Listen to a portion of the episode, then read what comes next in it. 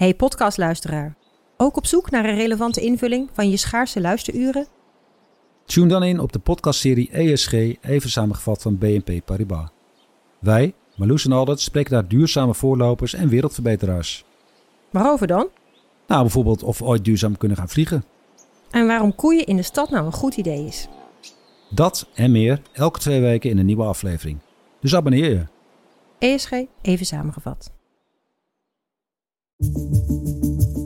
Vanaf de redactie van NRC het verhaal van vandaag.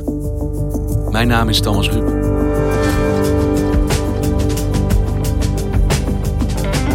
Kilometers afgebrand bos, asvlakte zover het oog strekt. Je hoort er geen vogels, geen krekels, niets. Correspondent Annemarie Kas zag met eigen ogen de ravage van de bosbranden in Australië. Hoe kan het dat een land dat zich zo kwetsbaar toont voor de gevolgen van klimaatverandering, daar zo weinig tegen doet? Of gaat er door deze branden in Australië iets veranderen?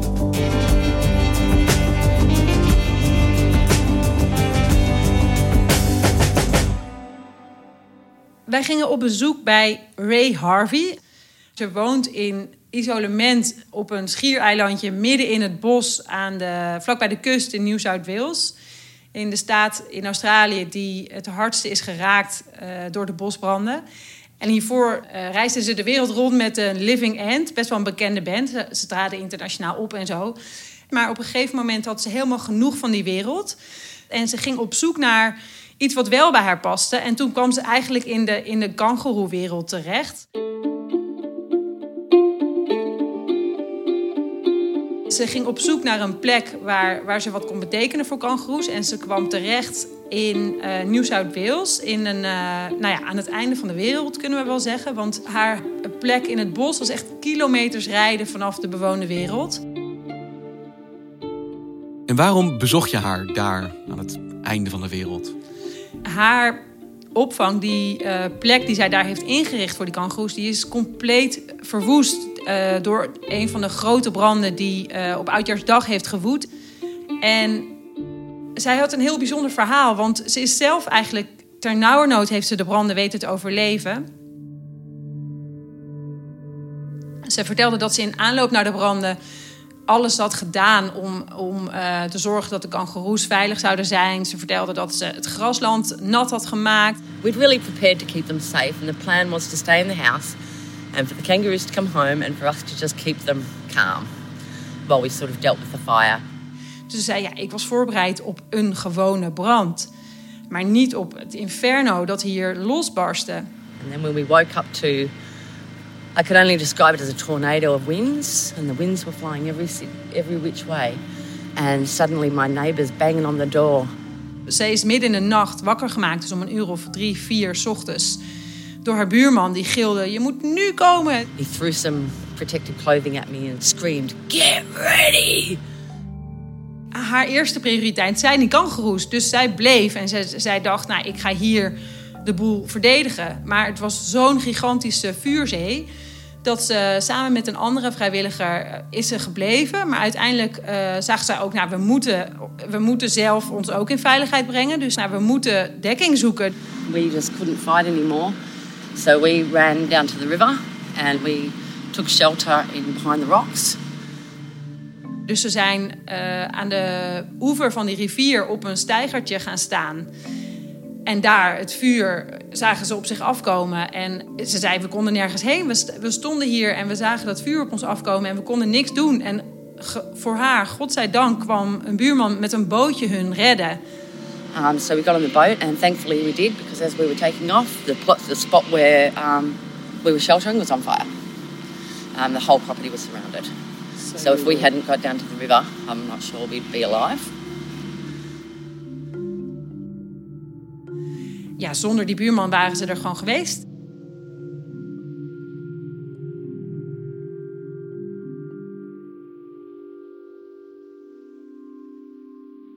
Want die bosbranden zijn nu al een hele tijd in het nieuws. En de vraag die daar eigenlijk telkens boven hangt, is of dit nou een natuurlijk fenomeen is. Iets dat ja, gewoon voorkomt in Australië. Of dat er deze keer met deze grootte, deze schaal wel echt iets uitzonderlijks aan de hand is. nou ja, branden komen altijd al voor in Australië, maar de schaal waarop deze bosbranden nu uh, gebeuren, die is ongekend en die, is, uh, die kent geen precedent. Uh, de branden zijn eigenlijk sinds september vorig jaar begonnen. Dat was toen al vroeger dan gewoon, want in Australië zijn de seizoenen natuurlijk omgekeerd, dus het is daar nu hoogzomer. En 2019 was het droogste en heetste jaar voor Australië sinds het weerbureau daar is begonnen met meten. Dus ze hebben weer records gebroken qua droogte en qua hitte. Australia has recorded its hottest day in history with an average temperature of 40.9 degrees. The annual total rainfall was 40% below average, a devastating blow for the bushfire season and crippling drought. As fires continue to burn from coast to coast, the country resembles a furnace dat heeft er allemaal toe geleid dat um, de branden veel vroeger begonnen dan normaal. En inmiddels is het uitgegroeid tot een ramp van ongekende proporties. Dit is echt. Uh, dus er is 10 miljoen, meer dan 10 miljoen hectare bos en, en landschap verbrand. En ja, zulke aantallen. Daar verbleken ook bijvoorbeeld de bosbranden in de Amazone bij. Of de bosbranden in Californië of, of in Indonesië. deze oppervlaktes zijn echt ja, dat is nog nooit eerder voorgekomen op deze schaal. Ik probeer me een voorstelling te maken van 10 miljoen hectare, maar hoe groot is dat? Ja, 10 miljoen hectare, en het is dus inmiddels alweer meer dan dat, is ongeveer twee keer Nederland. En er staan nog steeds honderden, honderdduizenden hectares in brand. Ik zat ook in het vliegtuig terug uh, van Sydney naar Jakarta en ik, ik had een dagvlucht en um, ik vloog over Australië en de zwarte, de zwarte vlaktes, die kwamen zo bij me binnen. Ik zag echt, zover het oog reikt, zag ik gewoon verbrande vlakte. Weet je, als je in, in, Nederland soms aankomt vliegen bij Schiphol, dan zie je, dan zie je, zie je daar uh, Haarlemmermeer of Schiphol liggen. Nou ja, dat, maar dan tot het oog, tot zover je kan kijken, zwarte vlakte. Zo, zo groot is de, is, de, is de verwoesting, is de schade. En de menselijke schade, Annemarie? Er zijn tot nu toe 28 eh, mensen overleden als gevolg van de branden. Het meeste aantal uh, mensen dat is overleden is ook tijdens het verdedigen van hun huizen gebeurd. Maar naast de mensen heb je natuurlijk ook de dieren die echt slachtoffer zijn geworden. Tonight, as firefighters in Australia battle flames that have scorched 15 million acres, an ecological emergency is unfolding. Firefighters are racing to save the wildlife amid those wildfires still raging. The staggering toll we've been reporting on here, now an estimated billion animals lost. Er zijn naar schatting 1,25 miljard dieren die de branden niet hebben overleefd. Een surrealistisch getal. Ja, het unieke aan Australië is natuurlijk dat daar heel veel diersoorten voorkomen die alleen daar voorkomen. Dus die verder in de wereld niet voorkomen. En een heel groot deel van hen is nu, is nu dood. Dus die diersoorten worden eigenlijk meteen met uitsterven bedreigd. En de diersoorten die er nog wel zijn, die zijn hun habitat eigenlijk kwijt. Want, want uh, het bos waarin ze leven is afgebrand. Maar dat geldt dus ook voor de kangoeroes van Ray Harvey, die verzorgster die jij sprak. Ja, er zijn zeker ook veel kangoeroes omgekomen. Um, al is nog, nog steeds niet precies bekend hoeveel. Ik moet wel zeggen, kangoeroes zijn minder zeldzaam dan andere diersoorten. Maar um, ja, zij, zij heeft zeker een aantal kangoeroes uh, verloren. En dat geldt natuurlijk um, voor, voor het hele gebied in Nieuw-Zuid-Wales en de andere staten. Want zij vertelde jou dat ze hoorde dat er branden waren, maar eigenlijk enorm had onderschat hoe groot en hoe gevaarlijk dat zou worden. En in hoeverre geldt dat voor heel Australië? Heeft men zien aankomen dat dit stond te gebeuren daar? Nou, eerlijk gezegd, ja. Het is, de regering heeft het ook onderschat. en dat is het debat eigenlijk, het grote debat wat de afgelopen weken in Australië heeft gespeeld. Want uh, een clubje van oud brandweermannen die heel veel ervaring heeft met, uh, met bosbranden, die heeft in aanloop naar dit seizoen uitgebreid gewaarschuwd en heeft gezegd um, tegen de regering, tegen de landelijke regering: doe iets, zorg dat het land is voorbereid, want het wordt een gigantisch probleem. It is very, very disappointing that we weren't listened to earlier because we actually predicted exactly what's happening now and measures could have been taken months ago. Ja, dat is dus inderdaad uitgekomen. Die voorspelling is uitgekomen. En het heeft weken geduurd voordat, voordat de landelijke regering ook echt actie heeft ondernomen en heeft erkend dat dit niet zomaar de jaarlijkse gewone bosbranden waren. Maar de brandweer heeft dus gewaarschuwd, maar met die oproep is niks gedaan door de regering? Ja, dat klopt. Eigenlijk pas uh, na oud en nieuw, pas na de jaarwisseling, is uh, Scott Morrison, de minister-president, serieus in actie gekomen. Terwijl de branden toen al maanden woeden. Uh, Scott Morrison heeft het altijd af willen doen als de gewone jaarlijkse branden. Dus dat er niks bijzonders was, dat er niks buiten proportie was. En ja, dat was gewoon op een gegeven moment niet meer vol te houden. Maar dat heeft hij wel heel lang geprobeerd. Dus de kritiek op hem die, die nam maar toe naarmate de branden ook voortwoeden. Hij ging bijvoorbeeld ook op vakantie naar Hawaii. En dat is echt, daar is hij echt heeft hij, heeft hij het hele land over zich heen gekregen. Scott Morrison is set to return to Australia today following intense criticism over his Hawaiian holiday during the bushfire crisis. Ja, het was in december en hij vertelde later: ja, ik had mijn kinderen beloofd dat we op vakantie zouden gaan. En zoals iedere Australiër wel herkent dat je soms worstelt met de balans tussen werk en privé, was dit ook voor mij iets moeilijks. When you make a promise to your kids, you try and keep it. But as prime minister, you have other responsibilities, and I accept that, and I accept the criticism. I get it that people would have been upset to know that I was holidaying with my family uh, while their families were under great stress. Hij is wel uiteindelijk eerder teruggekomen. Uh, maar ja, toen was de schade al geleden. En hij heeft ook nog geprobeerd om te verdedigen dat hij weg was gegaan. En, en hij zegt, ja, ik ben niet degene die in de, in de control room zit. Of ik hou geen uh, brandslang vast. I'm not going to stand there and hold a hose. I'm not a trained firefighter, nor am I an expert like those who sit in the next room and doing such an amazing job. Dus But, ja, uh, hij probeerde dat weg te wuiven eigenlijk. En dat is natuurlijk ook een teken dat hij het eigenlijk niet echt serieus nam. Nee, want hoe is dat te verklaren? Wat is dit voor een politicus? Ja, hij is een, een uh, rechtsconservatieve politicus. En Australië is een van de grootste uh, kolenexporteurs wereldwijd. Ze hebben gigantische kolenmijnen. En met die beloftes om, om kolen en energie en de kolensector te laten floreren, heeft hij ook de verkiezingen gewonnen vorig jaar. Was een grote verrassing.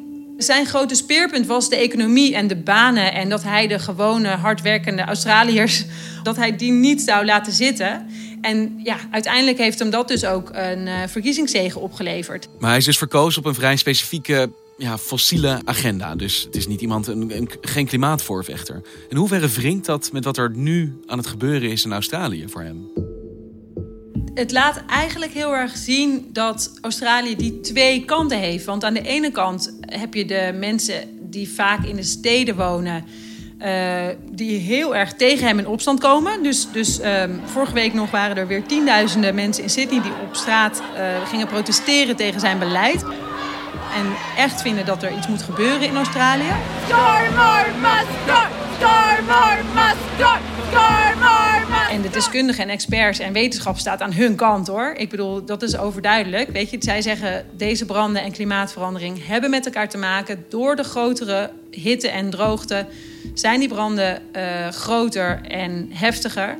En aan de andere kant heb je de Australiërs die daar niet van willen weten. En ook politici uh, zij daar ook tweespalt over. Dus, dus die proberen ook elke keer om uh, de link tussen deze branden en klimaatverandering... om die uh, te verstoren of om, om daar verwarring over te zaaien. Hoe lang is dat vol te houden? Als je nu elke deskundige hebt in Australië die zegt... nou, er is onmiskenbaar een connectie tussen klimaatverandering en wat hier nu gebeurt. En je ziet wat die gigantische verwoesting houdt. Dit houdt dit land en eigenlijk op een bepaalde manier de wereld in zijn greep op dit moment. Hoe lang kun je dat dan naast je neer blijven leggen? Het is niet zo dat de klimaatontkenners dat die niet om hun land geven. Dus de mensen die mij vertellen dat klimaatverandering niet bestaat en dat het echt alleen maar met het beleid te maken heeft waardoor Australië nu brandt, of, of ze zeggen ja, Australië heeft altijd droge zomers gekend en dit is niks nieuws. Het is niet zo dat zij niet dat het hen niet aan het hart gaat. Dat is eigenlijk wel bijzonder. Dus het gaat iedereen daar aan het hart en tegelijk is de discussie zo verdeeld en zijn, zijn, lopen ze zo ja, in, in een soort loopgravenoorlog tegen elkaar eigenlijk, dat, je, dat ze niet nader tot elkaar komen.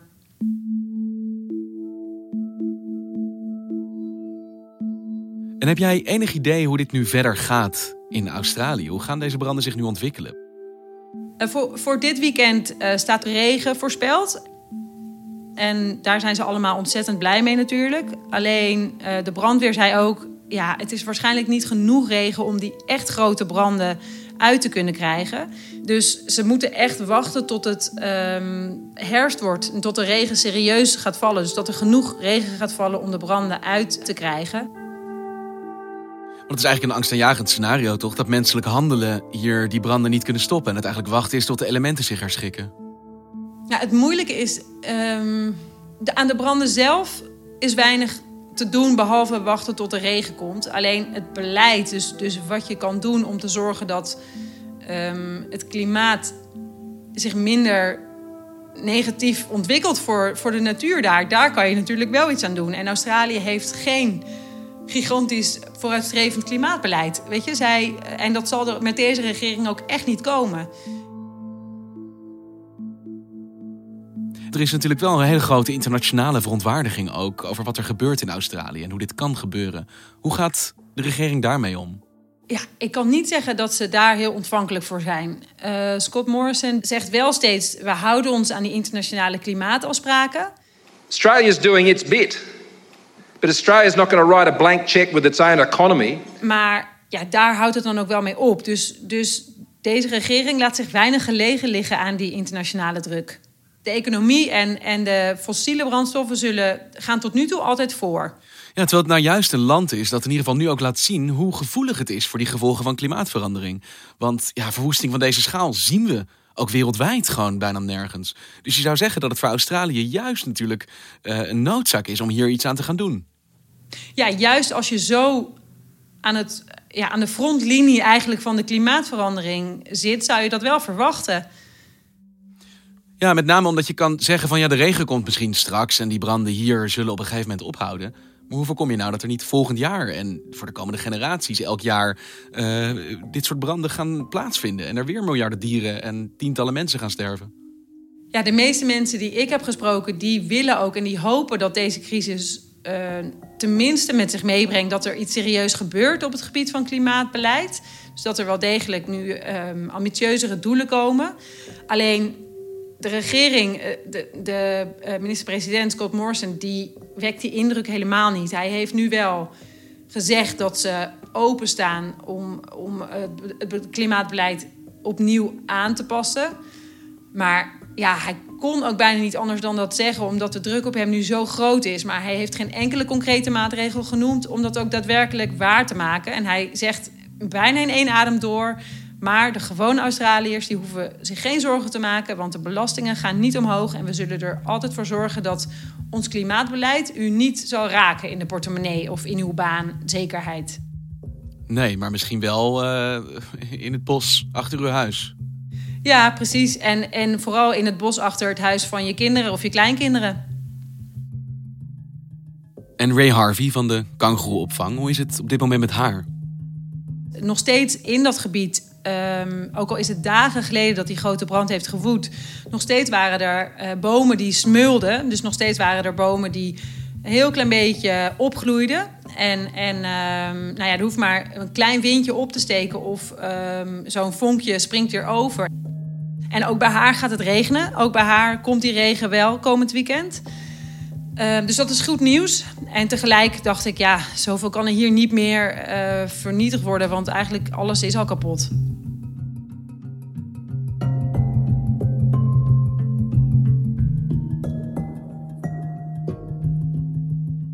Dankjewel, Annemarie. Graag gedaan. Je luisterde naar vandaag, een podcast van NRC. Eén verhaal, elke dag. En heel graag zou ik vandaag jou iets willen vragen. Op onze redactie bespreken we elke ochtend om half tien stipt wat we vonden van de aflevering. En dat kan er soms best hard aan toe gaan. Maar veel liever horen we van jou wat jij vindt van onze podcast wat je goed vindt en ja, wat er beter kan. Je vindt daarvoor een vragenlijst op nrc.nl/slash podcastonderzoek. Wees vooral eerlijk. Dankjewel. Dit was vandaag. Morgen weer.